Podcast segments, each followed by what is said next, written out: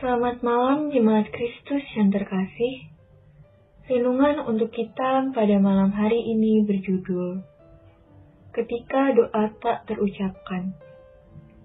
Dan bacaan kita diambil dari kitab Ibrani pasal yang ke-11 ayatnya yang ke-13 sampai ke-16. Beginilah firman Tuhan.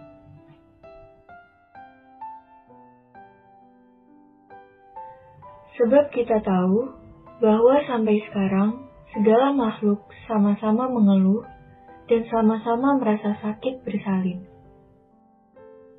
Dan bukan hanya mereka saja, tetapi kita yang telah menerima karunia sulung roh, kita juga mengeluh dalam hati kita sambil menantikan pengangkatan sebagai anak, yaitu pembebasan tubuh kita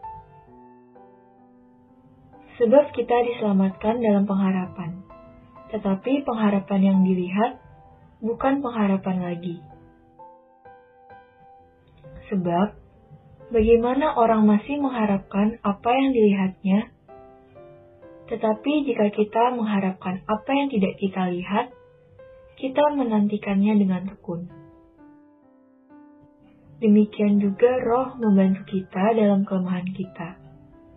Sebab, kita tidak tahu bagaimana sebenarnya harus berdoa.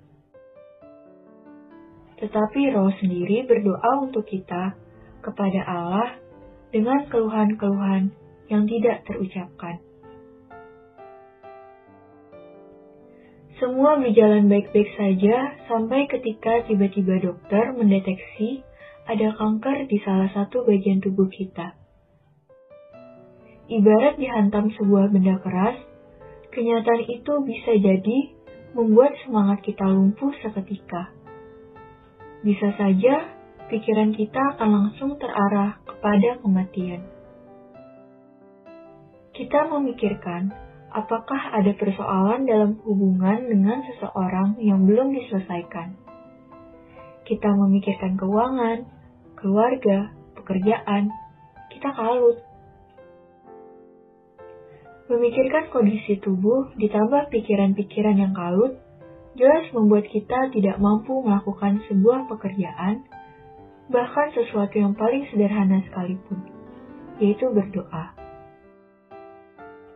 Kita mencoba memaksakan diri untuk duduk berdoa di hadapannya, tetapi tak ada sepatah kata pun terucap. Kita tidak tahu apa yang hendak kita ucapkan kita tidak mampu menguasai hati kita yang terus-menerus memikirkan hal-hal yang mengkhawatirkan.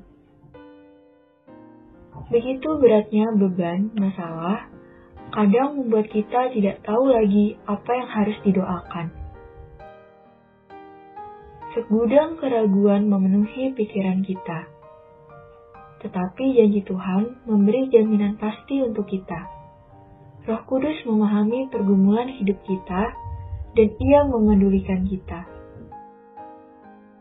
Bahkan saat mulut kita tertutup rapat, manakala kita mencoba berdoa, Roh Kudus tetap ada untuk menolong kita. Firman-Nya, Roh sendiri berdoa untuk kita kepada Allah dengan keluhan-keluhan yang tidak terucapkan. Tidak hanya itu, Tuhan juga menghadirkan orang-orang seiman yang bersedia mendoakan kita dan ikut memikul beban hidup kita. Di tengah ketidakpastian itu, kita melihat pertolongannya. Walau mulut kita tak berucap, namun Tuhan mampu merasakan dan mengerti apa yang paling kita butuhkan.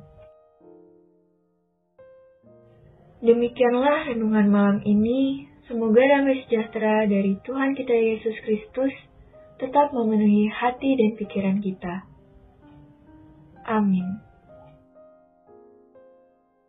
Jemaat yang terkasih, mari kita bersatu hati menaikkan pokok-pokok doa yang ada dalam gerakan doa 21 GKI Sarwa Indah. Mari berdoa.